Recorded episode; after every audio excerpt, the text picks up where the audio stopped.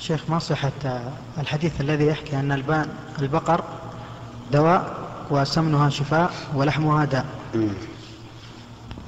هذا الحديث الذي فيه أن لحم الإبل أن لحم البقر داء هذا حديث باطل مكذوب على الرسول عليه الصلاة والسلام. ولا يمكن أن يصح إطلاقا. عرفت؟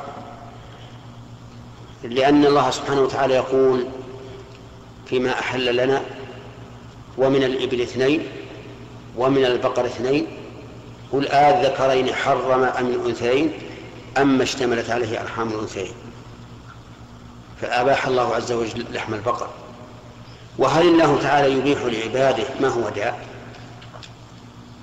لا لا يمكن أن يبيح ما هو داء. إذن فهذا الحديث نعلم أنه مكذوب. وقد خرجه بعض الإخوة من طلبتنا. وبين أنه كذب لا يصح عن النبي عليه الصلاة والسلام. نعم.